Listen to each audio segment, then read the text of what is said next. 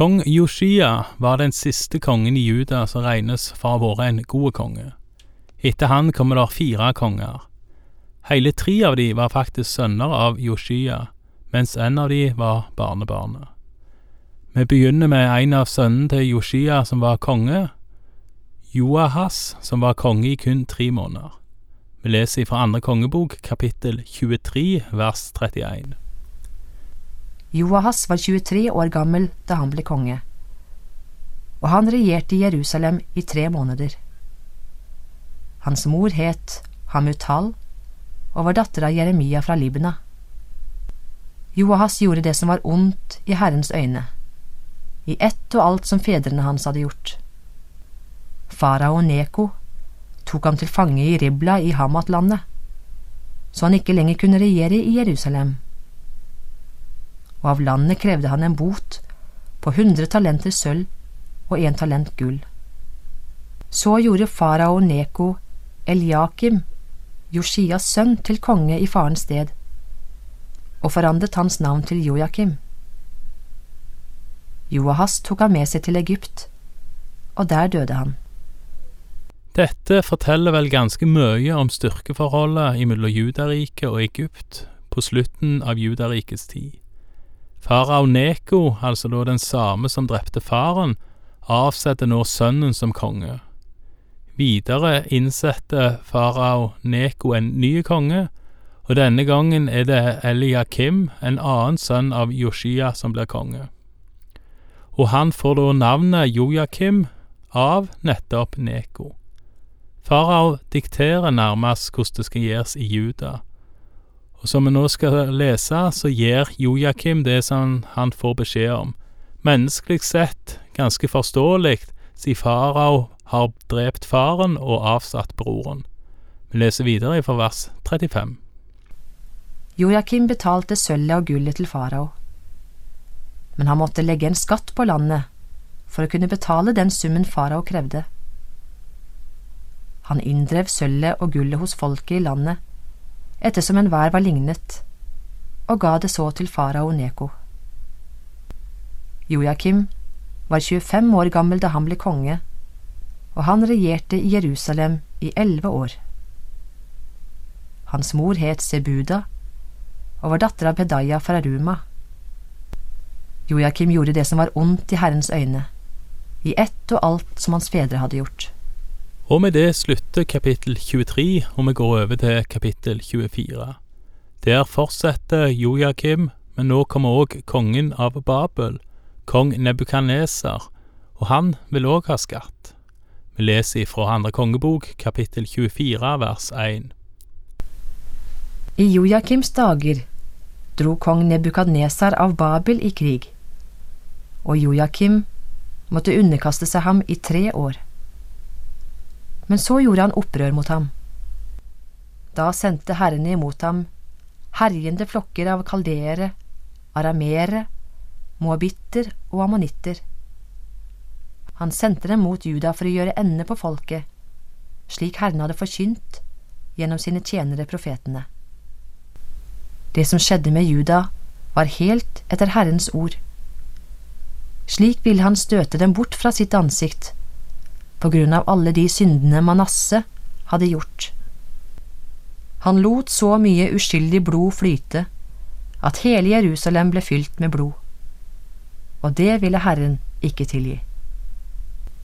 Det som ellers er å fortelle om Jojakim og alt han utrettet, står skrevet i judakongenes krønike. Jojakim gikk til hvile hos sine fedre, og hans sønn Jojakin ble konge etter ham.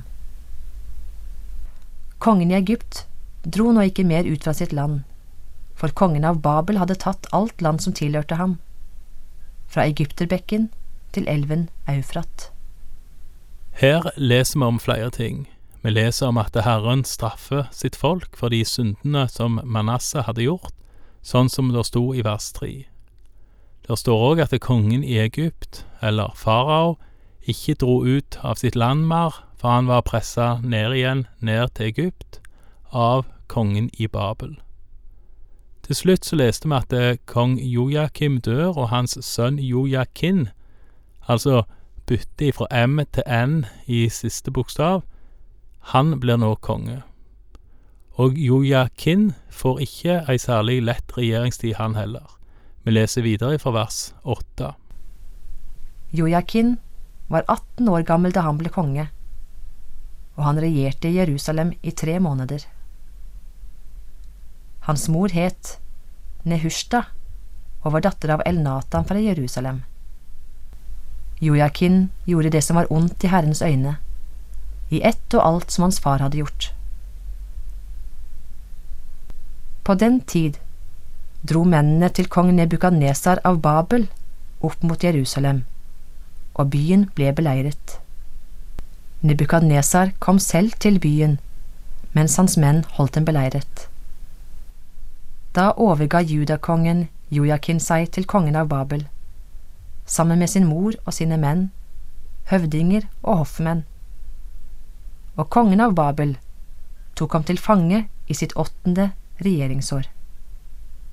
Nebukadnesar førte bort alle skattene i Herrens tempel og i kongens slott, og brøt gullet av alle de gjenstandene som Israels konge Salomo hadde fått laget til Herrens tempel. De gikk som Herren hadde sagt. Jojakin var konge i tre måneder, som 18-åring, før Jerusalem ble beseira av kongen i Babel, altså kong Nebukadneser. Kongen i Juda han overgir seg da med familie og sine folk, og kongen i Babel tar de til fange. Nebukaneser og folka hans tar med seg gull og rikdommer.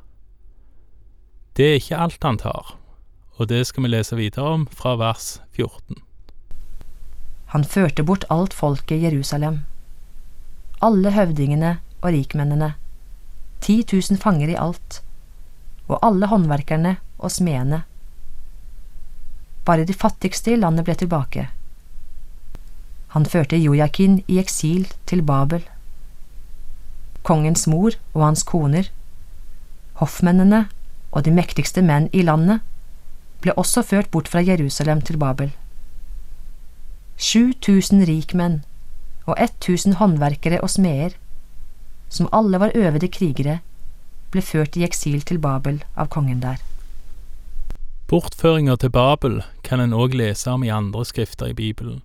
Særlig vil jeg nå nevne Daniels bok, der en kan lese om nettopp Daniel, Hananya, Mishael og Asaria. De siste tre er vel kanskje mest kjent under navnene de fikk i Babel, Shadrach, Meshia og Abednego. Disse kan en lese om i Daniels bok, som nevnt. Og Daniels bok starter med beretningen om bortførelsen til Babylon. Videre så kan en følge forskjellige historier om at Daniel jobber for Nebukadneser, som vi nettopp leste om, men òg om sønnen Belsasar og til slutt kongene Dareios og Kyros. Historiene om Daniel er mektige, og det er utrolig å lese hva han fikk bety, til tross for at han var tatt som fange eller slave. Historien om Daniel starter som nevnt med at Juda faller, og mange blir ført vekk som slaver. Vi leser videre fra vers 17 i andre kongebok, kapittel 24. Så gjorde kongen av Babel, Matanya, Jojakins onkel, til konge etter ham, og forandret hans navn til Sidkia. Sidkia var 21 år gammel da han ble konge, og han regjerte i Jerusalem i elleve år. Hans mor het Hamutal og var datter av Jeremia fra Libna. Sidkia gjorde det som var ondt i Herrens øyne, i ett og alt som Jojakim hadde gjort. Fordi Herren var vred på Jerusalem og Juda, gikk det som det gjorde, og til sist kastet han dem bort fra sitt ansikt. Og etter at Jerusalem som by står ribba igjen, så settes altså Jojakins onkel, altså en ny sønn av den gode kongen Joshias, inn som konge. Det blir da den tredje sønnen av Joshia som ble konge etter han. Han blir òg Judas siste konge. Vi kommer nå til at Judariket går under. Tidvis så kan inndelinga av kapitler og vers i Bibelen virke noe rart, og det som nå kommer er et sånn et tilfelle. For det siste verset i kapittel 24, altså vers 20, som vi allerede har lest tre fjerdedeler av, det lyder sånn i den siste delen. Sirkia gjorde opprør mot kongen av Babel. Sitkia, den siste kongen i Juda, og den siste av Joshia sine sønner som ble konge, han reiser seg og gjør et opprør mot mektige Babel. Som vi skal lese om i kapittel 25, så var det ikke et videre vellykka opprør, men jeg syns nesten at en må beundre han for pågangsmotet, eller eventuelt dumdristigheten, som lå bak. Han var jo faktisk innsett av kongen i Babel til å regjere over de fattigste i landet, de som ble igjen når kongen i Babel førte vekk alle de rike og alle håndverkerne. Da er det ganske tøft gjort å gjøre et opprør, men kanskje tenkte han at han ikke hadde noe å tape. Opprøret går ikke så bra, det skal vi komme tilbake igjen til i kapittel 25. Takk for i dag, og Herren være med deg.